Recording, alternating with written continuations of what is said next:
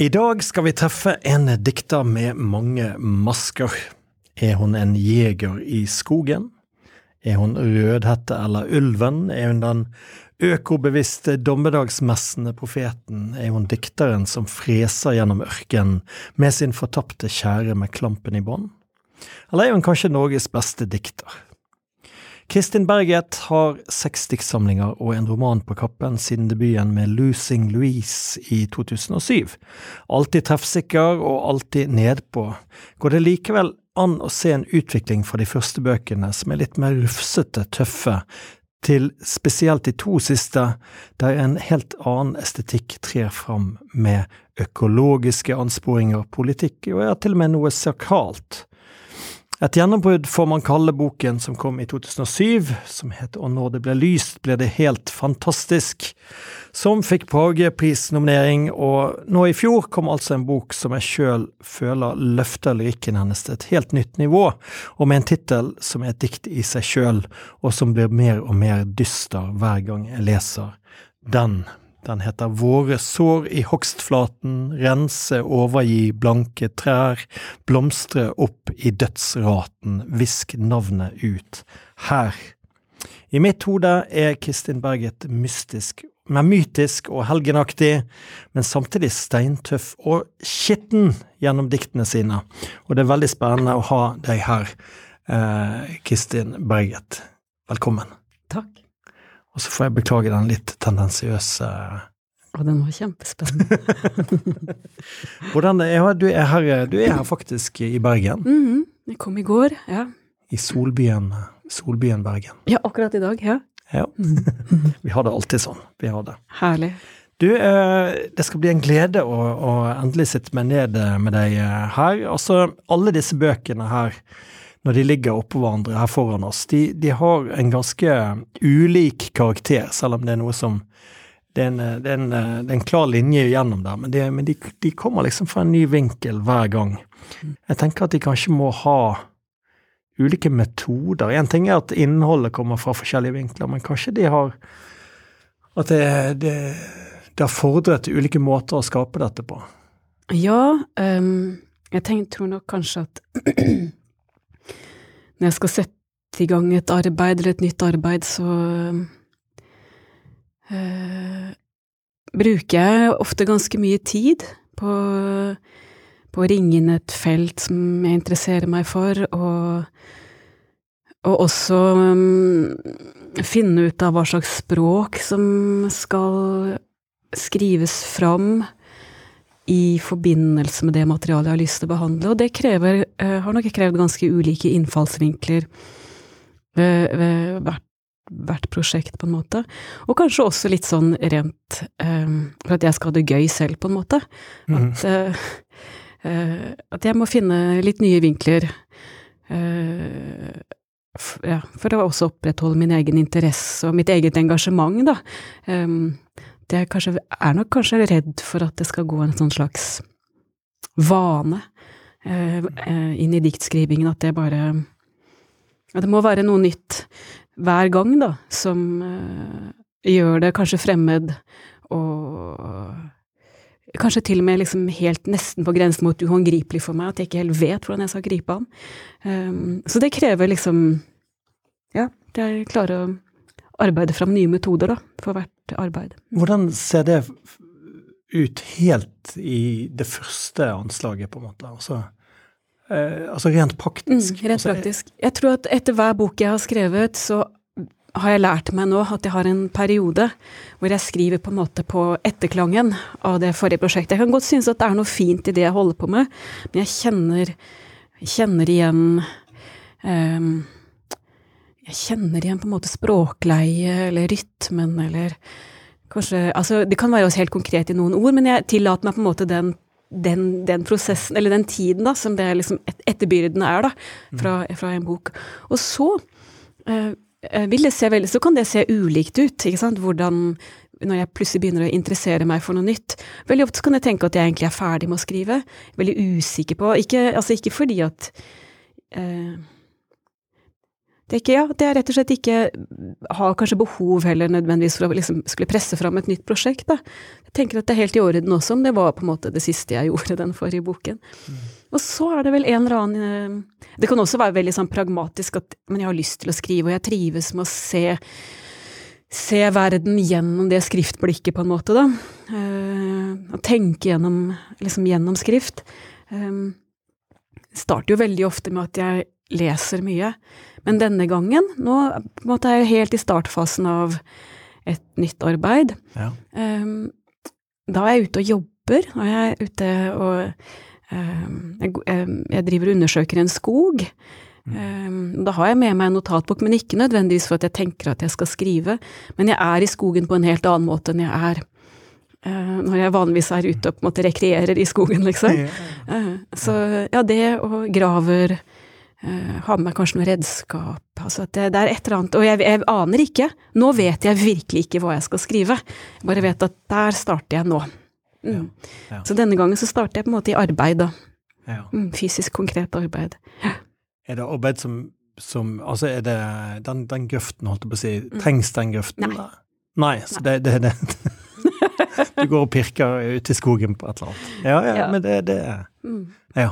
Mm. Men denne, denne, formen for, for uh, nesten det man på skuespillerspråket kaller method acting, mm. det har jo du på en måte vært innom mm. før. Jeg tenker, Du har jo fortalt litt om, om uh, hennes ansikt da du, mm. du begynte å skyte, skyte med våpen. Uh, hva, hva, vil du fortelle litt om den metodikken? Da? Ja, ja jeg, um, så det er jo sånn akkurat på samme måte som at jeg vet ikke hva det betyr ennå, at jeg er ute i skogen og holder på nå.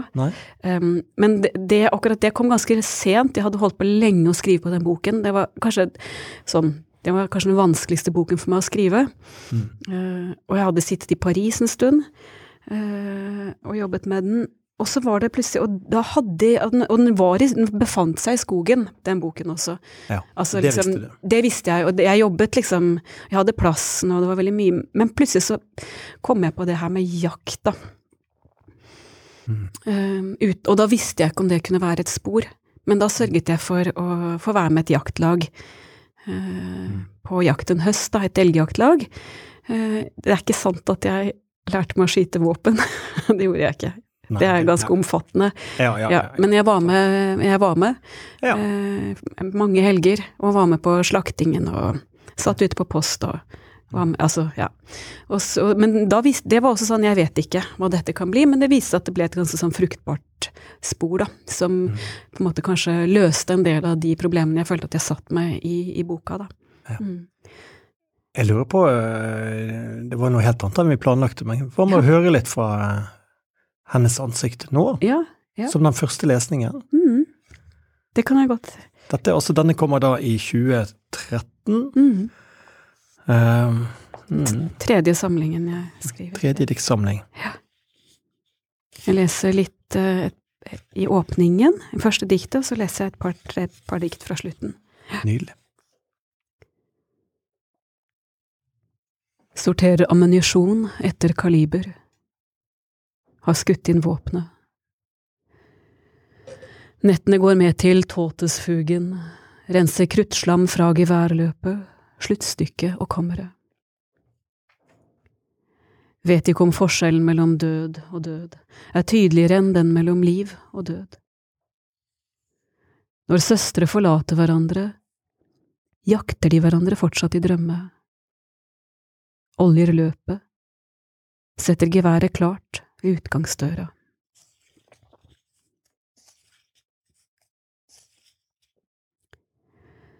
Hun kom mot meg med blanke håndflater, blottede tenner. I drømmen drømte jeg at jeg hadde et mer produ produktivt navn. I drømmen, i drømmen drømte jeg at vi hadde en seier i vente.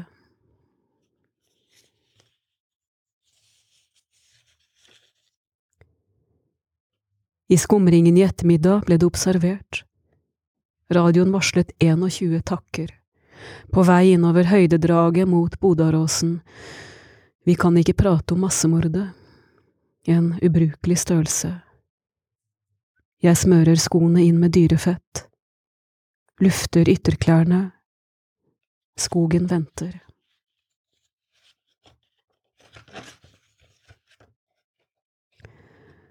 Oktoberluften rundt kadaveret ljuger ikke. Nå kommer ordene, som små rykk eller bitt, til hånden. Så kommer ordet. Hånd. Alt jeg gjør med hånden. Alt som noensinne har blitt gjort med hånden. Tusen takk. Ja, det, det er veldig fint å, å høre deg lese fra, fra, denne boken. Og det er jo et mørke her som kommer inn. Det var absolutt et mørke i, i særlig den andre boken din, Der granse veg. Mm. Uh, men det var jo et, det er jo et, dette urovekkende mørket mm. som har senka seg over forfatterskapet. Nesten uansett hvor lyse titlene er, så er det så er det Det er nesten som om noe forferdelig har skjedd, på en måte. Og mm.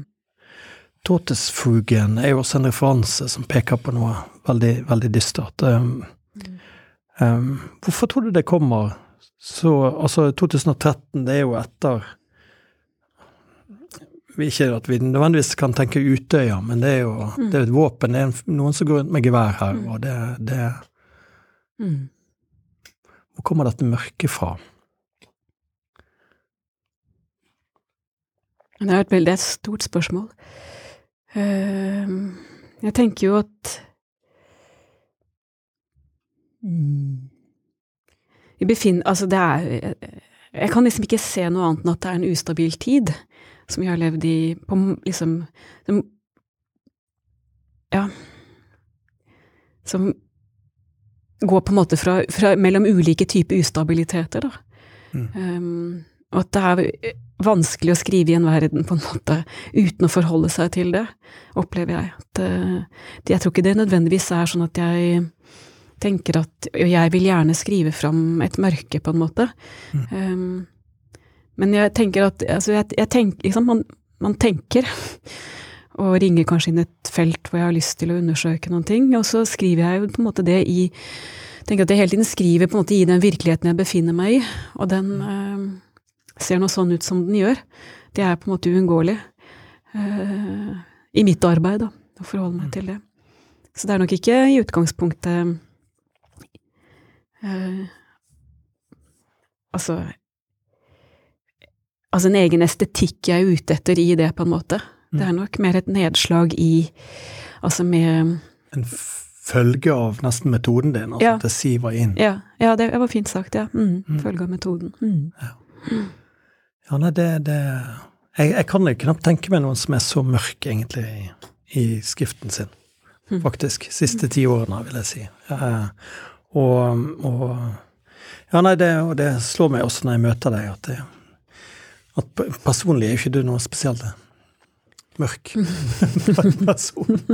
altså det, men du, vi skal ta det tilbake igjen til, til kanskje starten, der, det, der, dette, der, dette, begynner, på en måte. For det som jeg var med innom i innledningen, så, så begynner du med denne her debuten din, som er litt sånn som jeg opplevde når jeg var når den kom og sånn, så tenkte jeg at her kommer en som tøffer seg litt. Tenkte jeg, jeg da helt ærlig, da. Men, men, når jeg leser den, så ser jeg det veldig bra sånn. Men sett utenfra, så er jo den litt sånn Man får litt sånn road movie-følelse, sant. Det er noen som er den ørken, iallfall. Det er en bil, i alle fall. Mm.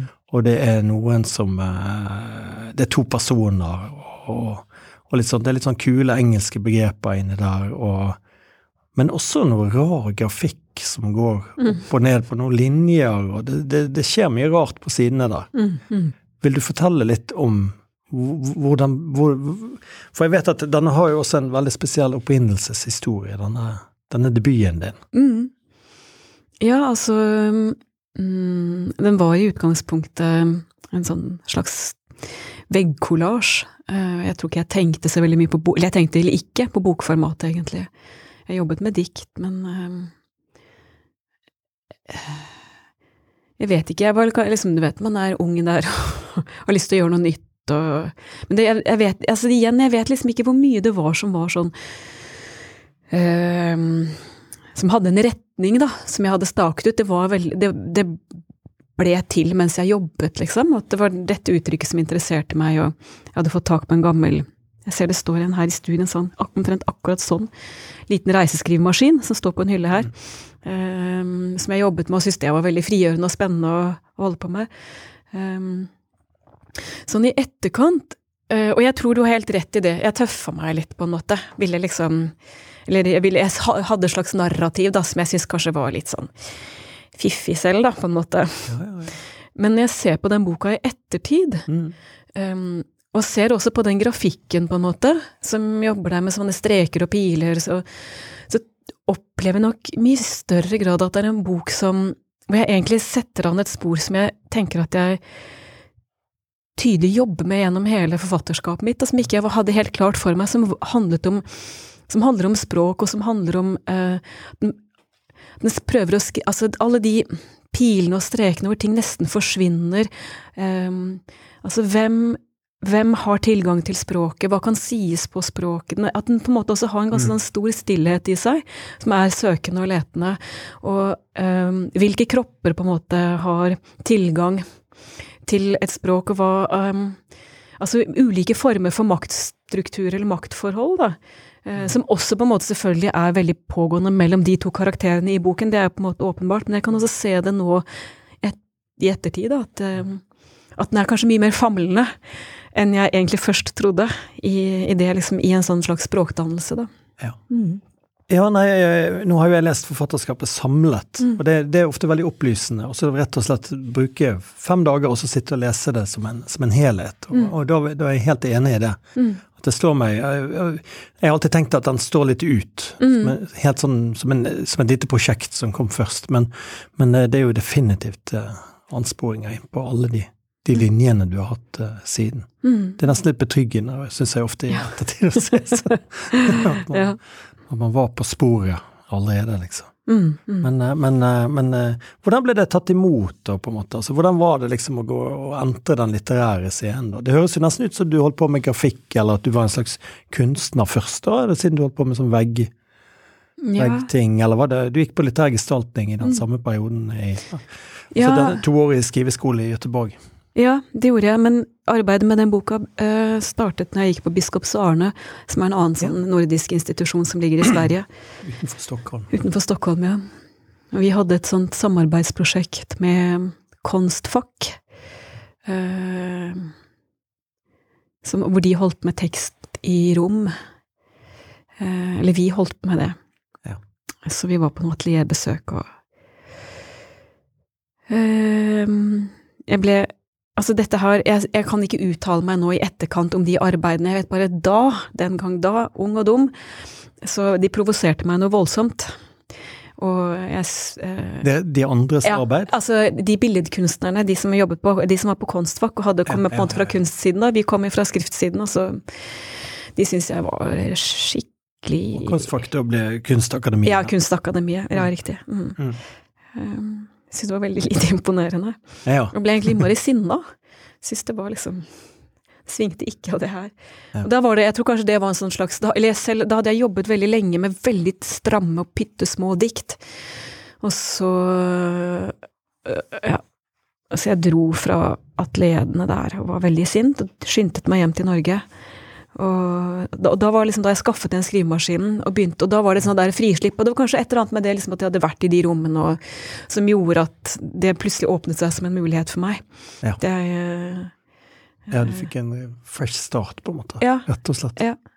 det høres veldig jeg har også hatt en sånn skrivemaskin på min første bok. Ja. Det er veldig gøy at det kommer ut fortløpende. Ja, og så var det liksom det der med ulike papir, altså at jeg kom ja. utenom A4-arket, ikke sant. Det var innmari mm. deilig.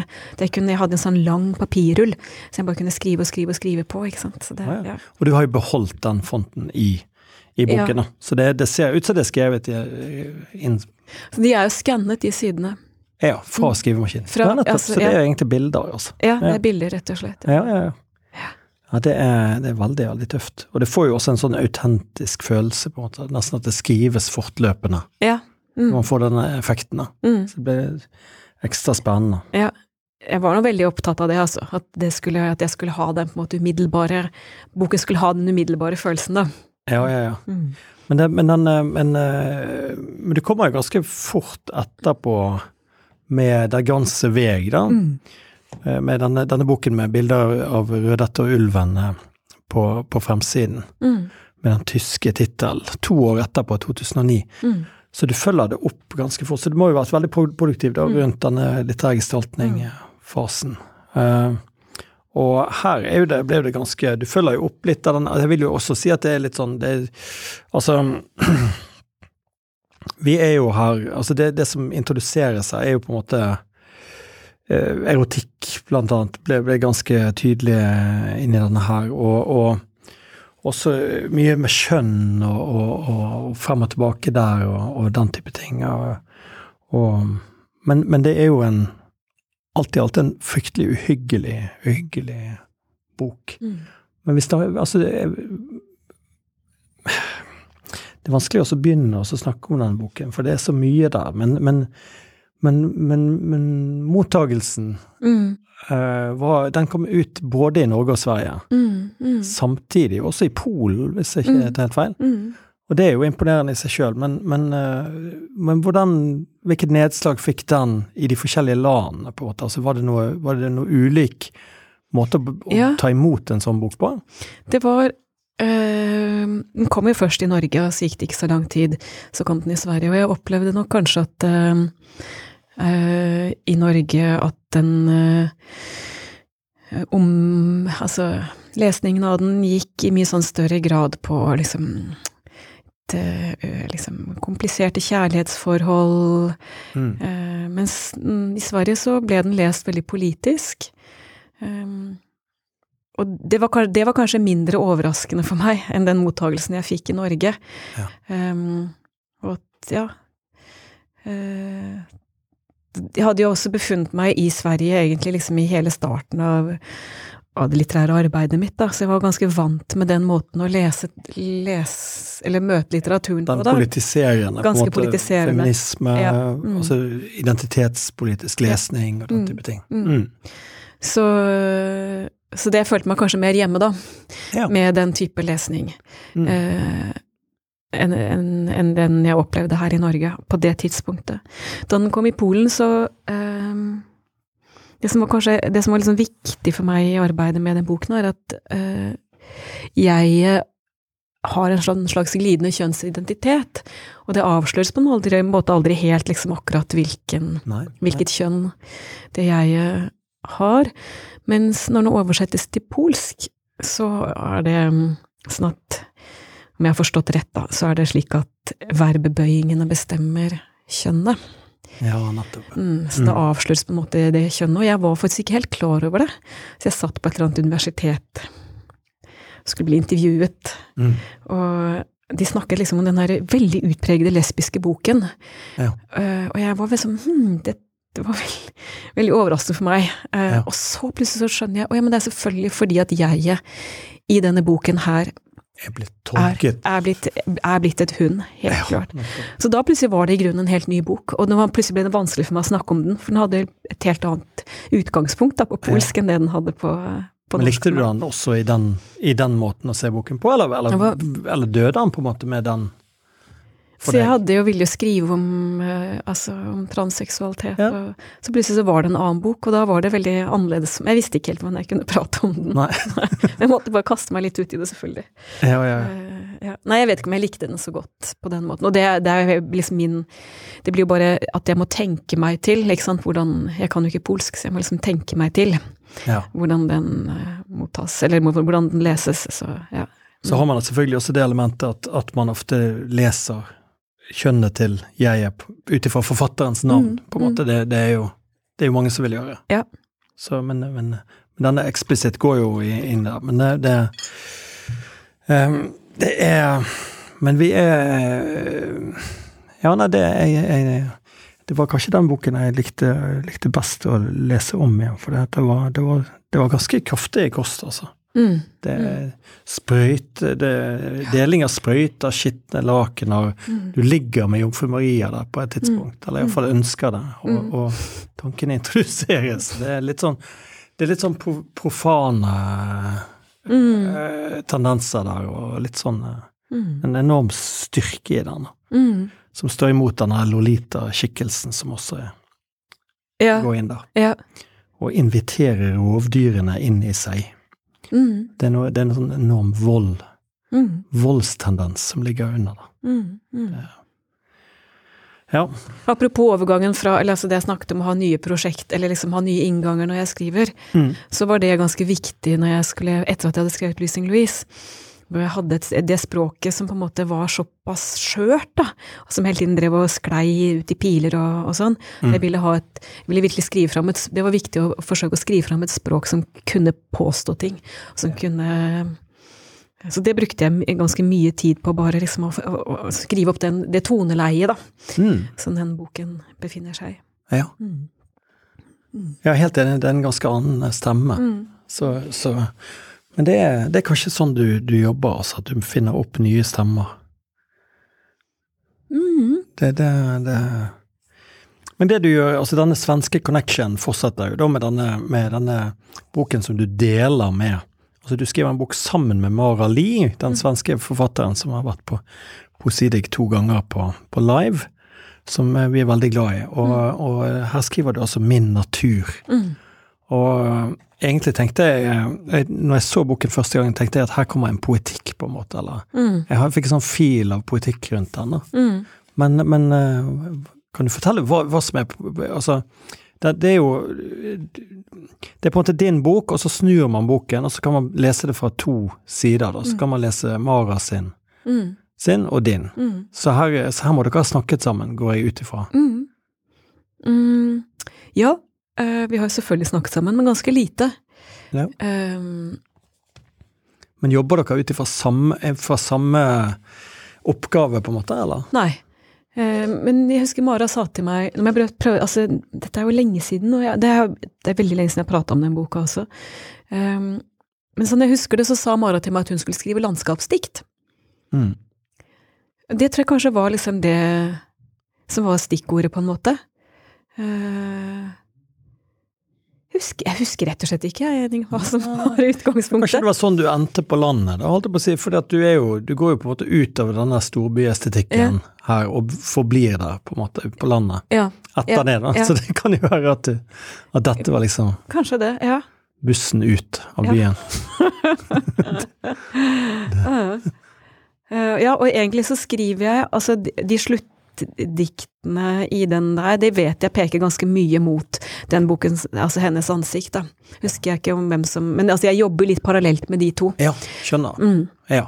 Eh, ja, det forstår jeg veldig godt, Ja. altså at det henger sammen med den der. Og det var også den første boken vi snakket om, da, hennes Ja. ansikt, som er disse jakt, mm, denne jaktsituasjonen og geværene, mm. som for øvrig ser ehm, Designet på denne boken eh, var såpass enkelt at jeg ville gå inn og så se hvem som For det er rett og slett bare hvitt, og så er det en eller annen front som bare står tittelen. Mm. Og eh, så tenkte jeg det så litt hjemmelaget ut, tenkte jeg da. Og så skulle jeg gå inn og se hva er det de holder på med inne i Oslo. Er det Haraldsen her, eller er det, hvem er det som har Og så så jeg at det sto at det var du som hadde hatt designet, da. Mm. Så jeg tenkte kanskje at, at du var litt fattig og tenkte, tenkte pengene for designjobben. Men Ja, det det ser veldig fin ut. Jeg elsker sånne Mm. enkle ting. Det var bare Ja, nei, altså det er ikke meg helt alene. Jeg tror, altså For det var egentlig hun Ingeborg Ausland som eh, har gjort, hadde gjort de tidligere bøkene mine, mm. som hadde oppdraget. Ja. Og, og jeg pleier alltid å komme med noen forslag. Og, så, og, og til denne boken hadde jeg en ganske klar idé om hvordan jeg ville at den skulle se ut. Ja. Og sendte det til henne. Hvit. Nei, Nei! nei, okay. noe helt andre greier. Ja. Og, og det ble ikke bra. Og så, og mange, og så kom jeg med noe annet, og det ble ikke bra. Og vi, det er bare, vi fikk det, jeg fikk det liksom ikke til å sitte, da. Mm. Og til slutt så er det litt sånn at jeg bare gir opp. Og så sier jeg, jeg tror jeg tar et sånt vanlig hvitt ark, jeg. Og så litt sånn som når man åpner et dokument, så starter man å skrive øverst. Ja. Eh, kan, vi, kan vi ta det sånn?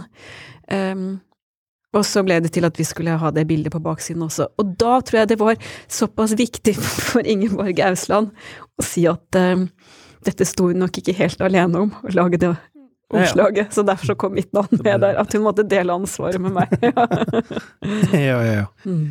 Ja, nei, det, det, er sant at det er et fotografi bak der. Det er et slags mausoleum eller et eller annet. Ja, det er det Le Temple de la Mitié som jeg skriver om inni boken, da, som ligger i, i Paris. Mm. Der uh, Ja, det var sånn, sånn, et åsted for en sånn stor salong, eller en salong, ja. over en ganske lang tid, da. Ja. Mm, hvor det var mange kunstnere innom. Særlig ja. mange kvinner. Mm. Ja, ja, ja. Mm.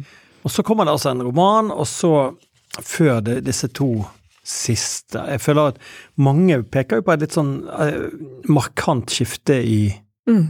i forfatterskapet et, mm. før og etter romanen. på en måte. Altså at mm. Når du kommer tilbake med, og når det blir lyst, blir det helt fantastisk, da kommer du nesten fra en Med noe som er, etter min mening, litt sånn langt mer komplisert komplisert, på en måte. Det blir litt vanskeligere å lese det. Det blir, det blir litt sånn Men samtidig kanskje enda mer å hente, da. Mm. Så det blir mer komplekst og, og, og, sånn. Og du får jo et slags gjennombrudd på mm.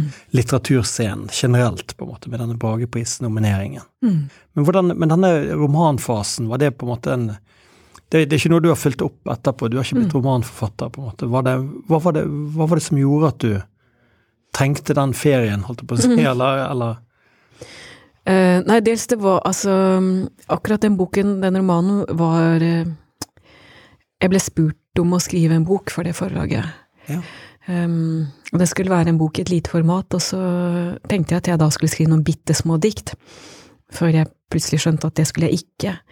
Så var det også uh, altså en stor sånn et stort omkast i mitt eget liv, at jeg plutselig fikk barn, ja. og ikke hadde på en måte den tiden tilgjengelig som jeg hadde hatt tidligere. Mm. Jeg opplever at diktet er veldig, for meg, veldig tidkrevende å skrive. Mm. Um, og det var et eller annet når jeg begynte å jobbe med den prosaen Jeg hadde ikke noe særlig prosabakgrunn, altså, men det var et eller annet som jeg kjente mellom de, altså de, forholdsvis korte stundene jeg fikk ved skrivebordet, så var det noe fint å være på en måte i den, altså i den tanken om sånn, den store strukturen da, som jeg hadde i den romanen. Og at, jeg opplevde i mye sånn større grad at jeg kunne gå og tenke, tenke skrift, mens jeg ikke skrev, mens jeg holdt med de barna mine og sånn. Ja. Um, der hvor jeg ofte føler at diktet krever en sånn enorm tilstedeværelse fra mm. min side. Uh, at det ja. Og at jeg lurte faktisk Jeg var veldig i stuss. Kan jeg noen gang liksom få skrevet igjen? Og kan jeg, det, kan jeg få skrevet dikt igjen? Kjenner meg veldig igjen. Ja, jeg har også fått et barn nylig. Ja, mm. ja, det er veldig mm, Det kaster om på mange strukturer, da. Mm. Um, så det var liksom det Og så vet jeg ikke helt uh, Jo, jo, nå vet jeg, fordi at uh, så er det den, den gode Jørn H. Sværen som hadde dette, denne poesiantologien som heter Den engelske kanal, som gikk over flere år. Han, spur, han spurte meg om ikke jeg ville skrive for Den engelske kanal. Mm. Og det, da tenkte jeg liksom sånn Å, men det kanskje jeg kan få til. En sånn, et, en mindre suite, på en måte. Og så gjorde jeg det over noen år, da. Mm. Og tenkte vel egentlig da at da skulle jeg bare sette sammen de, på en måte, og så skrive en til eller to til, liksom, og så hadde jeg en bok. Sånn ble det ikke. Jeg, måtte, jeg satt med det jeg måtte skrive om, jeg skrev om, men det var på en måte litt sånn utgangspunktet, så da hadde jeg allikevel skrevet fram et ganske stort materiale. Ja. Uh, på, en helt, helt annen måte enn jeg noen gang har gjort tidligere, hvor jeg ofte føler at jeg har skrevet fram veldig store tekstkropper. Skjønner. Um, mens her var det bare det var mindre komposisjoner ja. som egentlig var avsluttet, men som jeg reiv opp igjen, da. Ja, Engelske kanaler er en årlig, årlig utgave, ja. så det vil si at du har levert litt hver gang? På jeg hadde levert kanskje tre ganger. Ja. ja. Mm. Mm. Og så uh, rev jeg på en måte alt det opp, men satt på en måte med liksom mm. dette mm, Disse grunnstykkene, på en måte, da. Um, og skrev da masse nytt til inn til det. Veldig bra at uh, Jørn fikk, fikk, hentet deg inn igjen til mm. poesien, at ikke du endte opp der, ja. der på andre siden. Men, uh, men, uh, men, det blir jo Jeg vil jo si at altså, når det blir lyst altså det en, det, Dette med barnet er jo selvfølgelig mm. fremtredende. At det er et barn som fødes i dette landskapet, som på en eller annen måte virker veldig ja, dystert, øde, goldt kanskje, men, men her, her, kommer det altså et, et barn. og mm og Gud dukker opp, mm. kanskje for første gang i ditt forfatterskap, som, som har blitt igjen blitt, Eller det har jo vært religiøse motiver, og sånn, men her, her, her dukker det veldig opp Gud blåser gjennom hodene våre, mm. står det eksempel, og det siteres fra Bibelen og sånne ting mm. i diktene. og sånn. Så vi skal snakke litt Vi må nesten se litt på det der med, med, med den de religiøse greiene, for de begynner å dukke opp her og der nå. Mm, mm. Altså Det er ganske mange som holder på med religiøse motivene. Mm. Det er jo noen som har holdt på lenge, eller Oppstad, og, mm, mm. og Kasper André Lugg er jo også en som har Men, men egentlig, egentlig, ganske mange etter hvert. Til og med jeg har skrevet, skrevet uh, ordet Jesus i en diktsamling, liksom. Så, så det, ligger det en naturlighet, altså hvis du nærmer deg en kjerne i, i dette med ordet og språket og gi noe navn, gi noe kropp. Altså, det er jo en skaper. Mm. Altså, man sitter jo og skaper en verden, og man Er det da naturlig å å hente og påkalle noe større, på en måte? Mm. Jeg vet ikke, jeg tror kanskje at jeg tenker selv, da, at jeg har nærmet meg det religiøse fra litt forskjellige hold. Um, og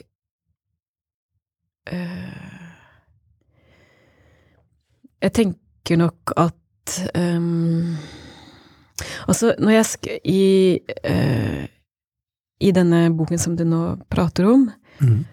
um, så jeg opplevde selv at jeg egentlig fortsatte å jobbe med pronomenbruk, som jeg tenker at jeg har altså, Eller identitet og pronomen, på en måte, som jeg hadde gjort ganske mye eller hittils, da.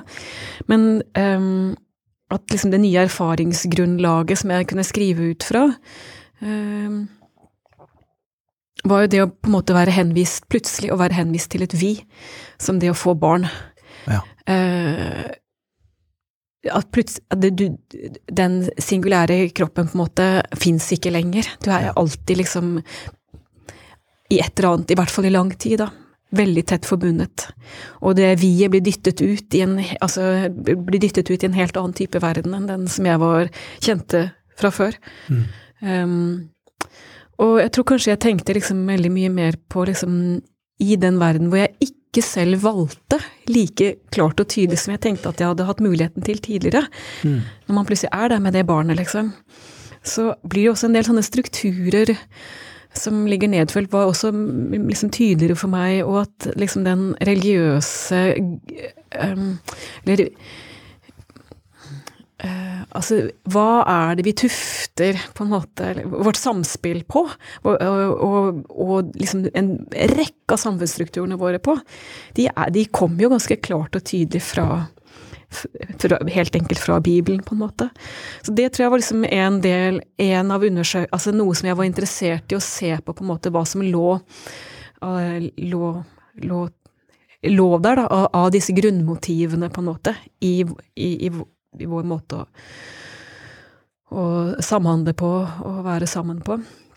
Så tror jeg også at jeg har jobbet med det mer uh, ut fra kanskje mer rituelle og språklige steder. Um, Hva mener du med rituelle? Um, altså, når jeg skriver den neste boken, så er jeg opptatt av um, uh, da var det også, ikke sant ja, blir, Dette blir også åpenbart at ja, det, det, er ting, det, er alltid ting i mitt liv ofte som dytter meg inn i nye, sant, nye felt jeg har lyst til å undersøke. Og da hadde jeg stått i noen ganske sånn omfattende tapsopplevelser, mm. um, hvor jeg Altså, jeg har, liksom, jeg har altså alltid tenkt meg selv som en ganske verbal person. Og plutselig så var jeg ganske uten språk innenfor eh, disse opplevelsene jeg hadde vært igjennom. Og særlig i skrift. Og da, og da i disse liksom, veldig eksistensielt pressede situasjonene som vi, som vi, alle havner i fra tid til annen, så ligger det jo også framfor oss liksom, en rekke ritualer som hjelper oss gjennom de, og, et, og også, det ligger også et helt klart språk tilgjengelig for oss, på en måte. da. Um, og det tror jeg kanskje var liksom hva, Hvordan bruker vi det? Hva, hva, hva, slags bunn har det i oss? Um, og også på en måte, ikke bare liksom det religiøse språket, men også på en måte sangspråket, rimet, reglene, alt det som, som på en måte er som allerede er der. Som vi kan, Forma, som ja, som vi kan bare som vi kan gå inn i. Som var viktig for meg, da. Og, og, og på en måte lene meg til og støtte meg til for å kunne liksom arbeide videre og, og skrive meg videre. Så jeg tror på en måte det, Jeg vet ikke om det har så mye med personlig konfesjon å gjøre. Mm. Um, som på en måte mer uh, en del av liksom un, de, de poetiske eller litterære undersøkelser som jeg gjør da, når jeg arbeider. Mm. Ja. Mm. Um, det er jeg, jeg var inne på at det, det, det er ganske mørkt, uh, mørkt, her, også på vegne på en måte av, av oss alle, eller på vegne av menneskeheten, nærmest. Mm. Det er jo noen som sier at, uh, at her er det på en måte øk, det man kaller økopoesi, da, Mm. kommer inn i ditt forfatterskap med full, Mm. med full uh, tyngde. Vi, altså vi, vi kan jo prøve å definere det. det, det jeg føler at det er litt vanskelig, men, men liksom Det er jo helt åpenbart at for eksempel, jeg bare leser et utdrag her, altså. Havet vil rulle inn over stranden, saltet tørker ut leppene, tungen vikles ut av Nei, tangen vikles ut av håret. Nå driver det inn, skogene fylles, tidevannet må love å ta lyngen med tilbake.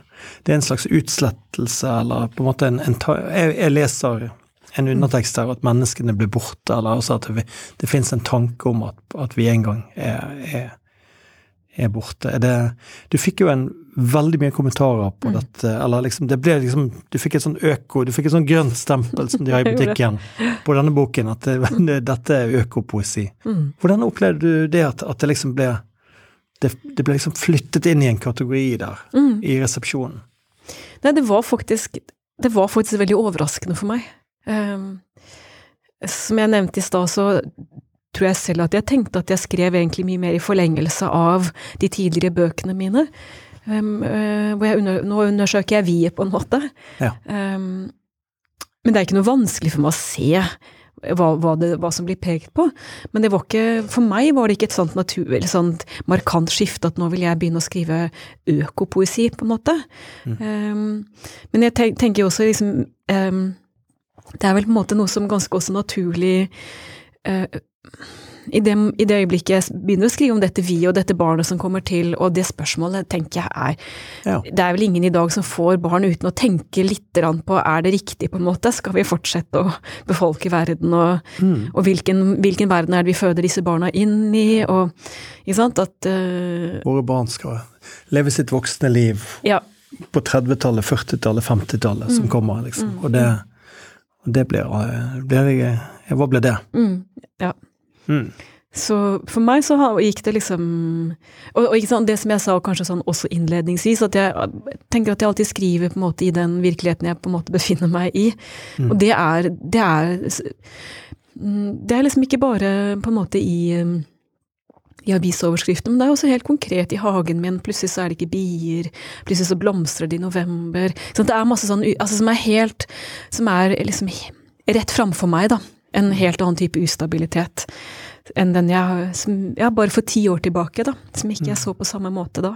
Dette kan være tilfeldig, men, Ja, ja, men, men ja, det, det har liksom vært øyeblikk, helt konkrete, liksom, hvor jeg kjenner at dette her Å, hvor er disse dyrene nå, eller hvor er disse insektene? Nå var det lenge siden jeg hadde sett, liksom. Ja, ja, ja. Det kjenner Ja, det slutter å være teori. Ja. mm, Det Mm. blir, det blir rent praktisk. Nei, jeg syns ofte det er vanskelig med Vi har snakket veldig mye i Poesidigg om, eh, om den politiske poesien og, og Mm. altså vanskelighetene med det. Men, eh, men sånn forfatternes klimaaksjon er jo en ting, Mm. for eksempel eh, i Norge, og, og man vil at man skal benevne disse tingene og skrive om de tingene, men, men jeg føler ofte at jeg har prøvd kanskje 50 ganger, Mm. ikke fått det til. Fordi at, fordi at når, når beskjeden ligger der at nå skal du skrive om det, Mm. så greier ikke jeg å skape noe. Nei. Men her ser det ut som det har Det har vært noe som rett og slett bare har, har sevet inn, helt uh, uten at du hadde noen intensjon om det. Mm, mm, Så det høres jo Det er jo veldig lykksalig, egentlig, at det ble sånn. For det er jo veldig, veldig sterk eh, poesi. Og det ble jo også et, et eh, Altså, den, den løftet jo seg ut og fikk lesere og, mm, på, en, på en helt ny måte for deg. mm, mm. Så, så Mm. ja. Nei, den, den eh, Men du har altså tatt den eneste optimistiske linjen i hele boken og satt den som tittel, da. Og når det blir lyst, blir det helt fantastisk. Så jeg håper jo det at det er noen som har fått den til jul, eh, som har tenkt at det her nå skal de gi noe litt hyggelig. Ja. så, så får de en liten Uff. Nei, men det er Det er det er, det er godt eh, det er godt at det fins, og det er jo en veldig fin overgang til din siste bok. på en måte. Det, jeg føler at de, der, der, de, de hører sammen i samme Mm. eh, Det skjer jo ting mellom de òg, men, men absolutt vil jeg si at det Men først og fremst, eh, Kristin Berget, altså jeg må arrestere deg på den tittelen. Som er, altså, her gir du bibliotekarer og bokhandlere en, et mareritt. Mm. Mm. Med en tittel som ingen greier å huske utenat. Mm.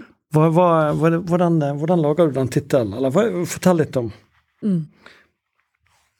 hvordan du ender opp med å lage en tittel som er kjempelang. Da. Mm. Jeg tror egentlig Eller jeg tenkte Jeg hadde bare lyst til at boken liksom skulle bare være i gang, tror jeg. At ikke den skulle liksom legge seg under egentlig en tittel, på en måte. Den skulle bare pågå, på en måte. Så innholdet skulle liksom være i tittelen. Eller Ja. det skulle liksom Ja. Ja. Og så, eh, og så kommer det jo inndelinger inne i boken, ikke sant. Vi- Mm. Um, og det er jeg mer usikker på, for å være helt ærlig. ja. Hvorfor de er det, hva, hva de skal tilføre. Mm. Mm. Men eh, nei, det var vel det var et eller annet at jeg hadde bare, hadde bare lyst til at man skulle bare være i, og at ikke den skulle ligge der som noe som resten av boken skulle legge seg under, på en måte, da, ikke sant? Ja, At, eh, ja. Kan vi få høre eh, opplest fra denne, mm. denne siste boken din? Mm. Skal jeg ta litt fra begynnelsen, da, kanskje? Ja. Ja. Mm.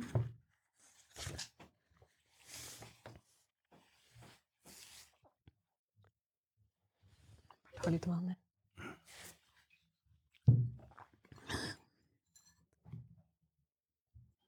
Mens brøddeigene settes, mens ovnene fyres opp, mens snøfallene som krever arbeid, samt høstene og bladene, mens bønnene blandes i vannvare, olivene slik vi kjenner dem. og veden og bålet, hasselnøttene og damfrosken og eikebordet og grøtmelet, og sleiven omhyggelig spikket fram fra bjørkeveden, slipt og pusset og oljen og bergmynte og termos og dvergmarikåpen, dvergmarikåpen. Og nyperosen, portrettet og gravsteinen og ullgenseren og det stive lakenet ved åkerfeltet, vaiende, salt havsmak som blir med inn i søvnen og barnedøden, og bønnesang og fjellrev og Antigones hierarki, det hellige over menneskets lov, og et undersjøisk snøfall på kontinentalsokkelen, nattevinden blåser, og brødet og smøret og storskaten, tømmerveggen og fiskebåten, Lomvi, lysene som blafrer i polarvinden, mild og innsjø og ullteppe, de sammenleggbare stolene i sanden, grønlandshvalen. Og børsteflaggermusen. Den fløy ikke her nå.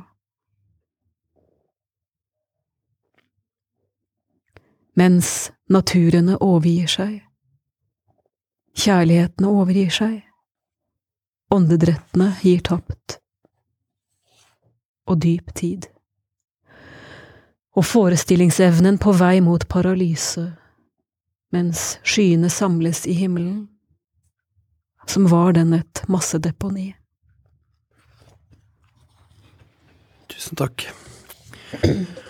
Ja, her er det flere ting. Det er et veldig godt dikt å ta utgangspunkt i når man snakker om denne diktsamlingen. Det både dette begynner i det konkrete med denne eltingen av, av brøddeigen, på en måte. Altså, Mm. Du ofte fester bildene dine i, i de, den konkrete virkeligheten, eller Mm.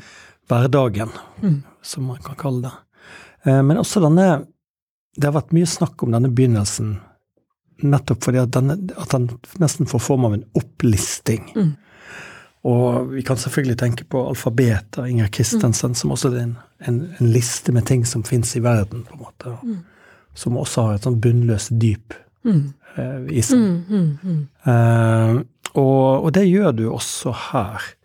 Um, jeg tenkte på jeg, bare, jeg, tenkte, jeg tenkte på, jeg har akkurat sett en TV-serie som heter Station Eleven, da, som er basert på en bok, og der det er en slags postapokalyptisk landskap. eller man, Det er noen som prøver å overleve i denne verden etter en pandemikatastrofe. og Der er det noen som etablerer et museum of civilization. Mm, mm. Ting man hadde når man hadde en sivilisasjon, som er utstilt. på en måte. Og det er litt sånn den, denne opplistingen. Jeg får litt sånn samme, samme følelse. Mm. Det er noe med formuleringene der, at det, at det på en måte nesten opphører å finnes i det du benevner de flere steder. Det, så de, Hva er dine tanker Altså, det får meg til å tenke på så mye, altså det religiøse, nærmest. Altså at Gud gir ting, alle ting sitt navn. Mm, mm. Eh, Men så, så hva skjer da hvis denne herre, dette dyret da havner på rødlisten og, og etter hvert forsvinner? forsvinner altså geirfugl, eller Mm. Så forsvinner jo da på en måte navnet òg, eller, eller det, det er noe sånt. Mm. Nei, altså um, Det ligger jo i tittel, altså både i tittelen og det blir sagt en gang tidligere, men i tittelen så ligger det som å hviske et navn, men det ligger jo også selvfølgelig det å viske ut. Det kommer i neste linje, visk navnet ut her. Ehm, og i jødisk tradisjon så um, er det slik at man dør to ganger. At man dør først i det øyeblikket kroppen dør, selvfølgelig, og så dør man i det øyeblikket navnet ikke lenger finnes på jorden. Derfor kan man heller ikke utslette jødiske eh, gravplasser eller gravsteder. Mm. Det bildet syns jeg er spennende, eller det er en interessant, det er interessant, en interessant tanke omkring språk, da. Og hvor på en måte eh, hva, i, den, I den tradisjonen, eller med det i tankene, da, hva, hva gir språket liv til? Eh, og det er kanskje noe som jeg forsøker å tenke omkring, da, eller som boken jobber litt med, det som bilde, da. Uh, kanskje heller mer i andre Altså at du Ja, du starter med at Gud gir navn, uh, så jeg tenker mer på liksom hva når, når, når er det noe forsvinner? Hva er det som skal til for at noe er helt borte? på en måte? Er geirfuglen helt borte, eller fins den fordi at den finnes i språket vårt, på en måte? Mm. Når forsvinner et menneske helt? Ikke sant? Er det, er det den siste gang vi tenker på det, eller når Ja. Så disse spørsmålene som jeg ikke har noe med, det er, det er bare ting jeg Ja, ja, som ja. ikke kan løse, eller ingen kan løse, på en måte, men ja. Fins det som et fantom, mm, mm. et gjenferd, nærmest. Mm. Um,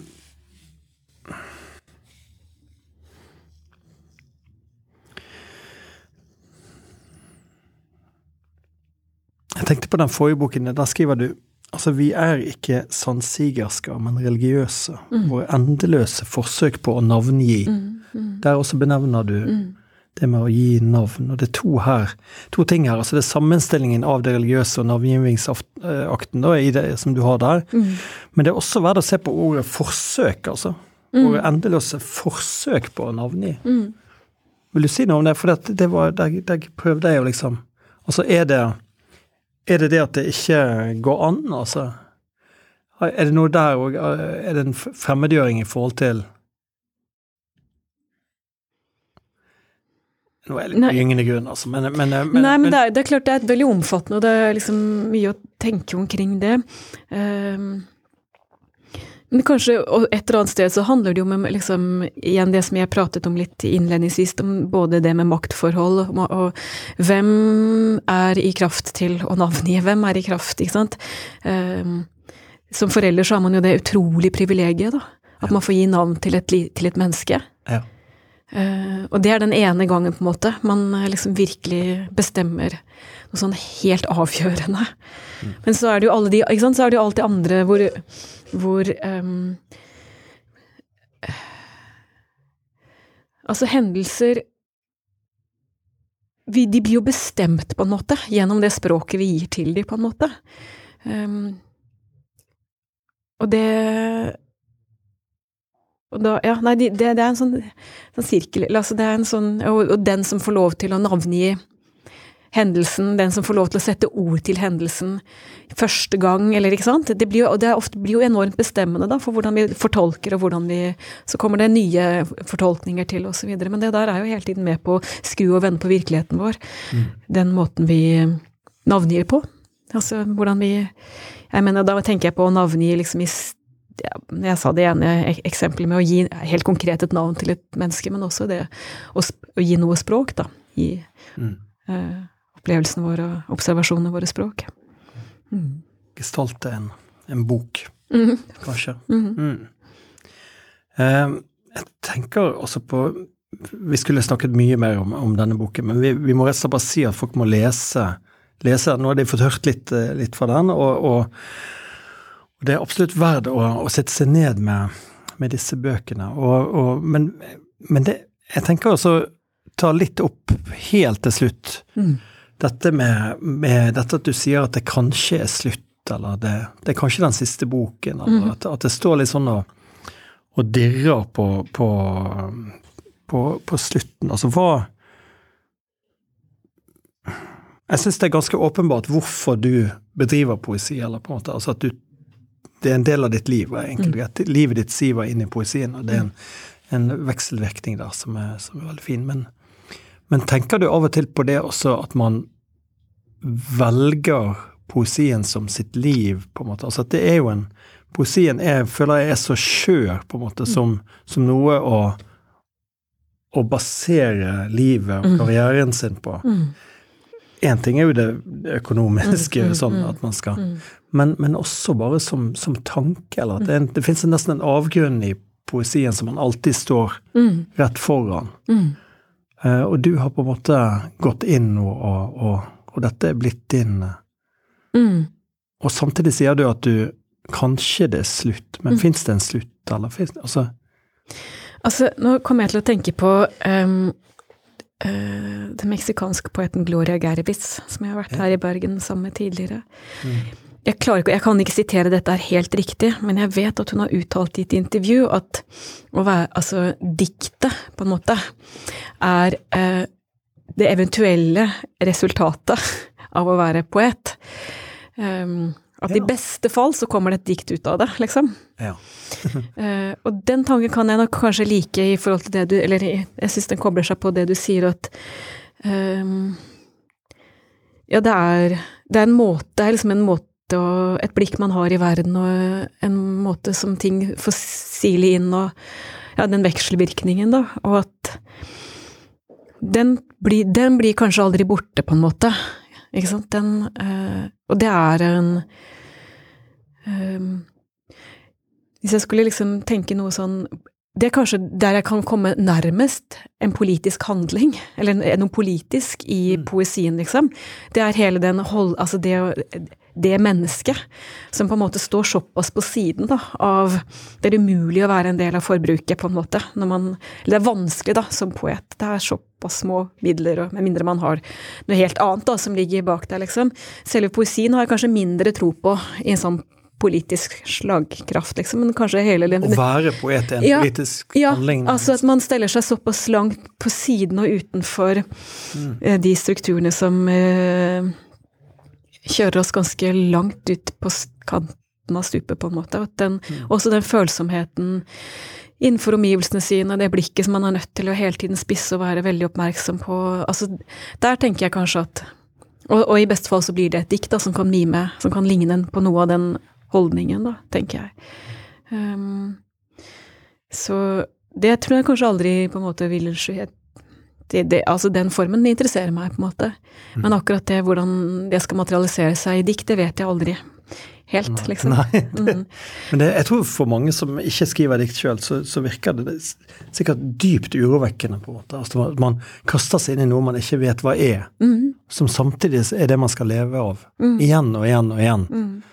Uh, men jeg, er kanskje usikker på om man kan leve av poesien, man kan kanskje leve med den, liksom. Det, det ja. uh, Jeg vet ikke om det går an å tenke Eller noen ganger altså, det, altså, at man kan tenke det i form av sånn vanlig arbeidskraft, liksom. Altså sånn vanlig Altså at det noen ganger så liker jeg skikkelig godt å si det til meg selv, nå går jeg på jobb, og nå skal jeg liksom Altså alt det der, men jeg er veldig usikker på om, om det er på en måte den riktige holdningen å ha liksom som poet, da. Men nå har du funnet en metode der du det ser ut som du faktisk jobber eh, når du Ja. At du går ut i skogen Ja. og graver grøfter, liksom. Det, det, Mm.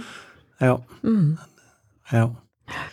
Nei, det, det er en eh, Men det Vi, er iallfall veldig, veldig glad for at du, du gjør det, så, så det var ikke det. Mm. Men tror du at eh, poesien har noe sånn? Liksom Hva tror du om den, og avgrunnen, og hva den kan gjøre i Nei, jeg er helt enig med deg at, at jeg tror ikke den kan ha noen politisk effekt. Nei. Bortsett fra kanskje i krisetider, Ja. men det er en helt annen, annen Mm. sak. Da blir jo poesien alltid veldig viktig. Mm. Kanskje vi lever i den type tider. Vi spiller jo dette inn eh, midt under Ja. Ukraina-krigen, Mm. og, og, og det er klart at det, det står og vipper, og, og vi blir veldig urolige av det. Mm, mm. Og da, da kan det hende at eh, Men det er også nå, når den type ting skjer, da, Mm. og folk rasler med atomvåpen, Mm.